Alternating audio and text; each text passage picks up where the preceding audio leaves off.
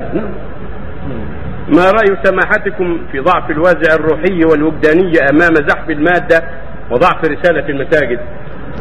هذا المقام يحتاج إلى توعية هذا الضعف يجب أن يعالج بالبيان كثرة المرشدين وكثرة من خوفهم من الله والرغبه في طاعته سبحانه وتعالى.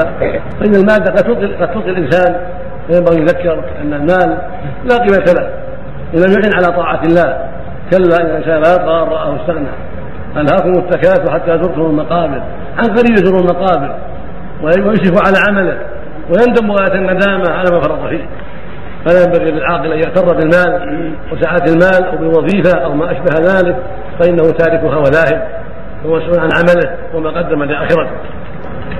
كذلك يجب التوجيه والإرشاد للمسلمين وتذكيرهم بالله والوقوف بين يديه وأنهم سوف يسألون عما قدموا وعما اخروا وربك لسالناهم أجمعين عما كانوا يعملون.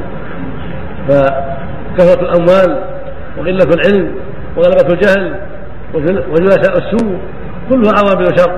يجب أن تعالج ويجب أن ينظر فيها حتى يكثر الخير ويقل الشر وحتى يعلم الناس أن أموالهم لا تغني عنهم شيئا إذا لم يستعملوها في طاعات الله وابتغاء مرضاته وحتى يتعلموا ويتفقهوا في دينهم وحتى يحذروا جلساء السوء وبطانة السوء وحتى يحرصوا على أصحاب الخير.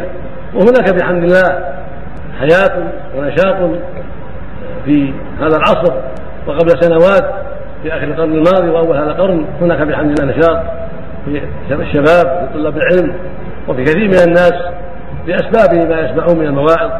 الإذاعة وغير الإذاعة والصحافة وغير الصحافة وفيما يجدونه في الكتب المؤلفة أخيرا لبعض أهل الخير فهناك بحمد الله نشاط كثير في بلدان كثيرة وفي أقاليم كثيرة نسأل الله أن يزيده خيرا وأن يسهر للناس من يعينهم على الخير ومن يشجعهم على أسباب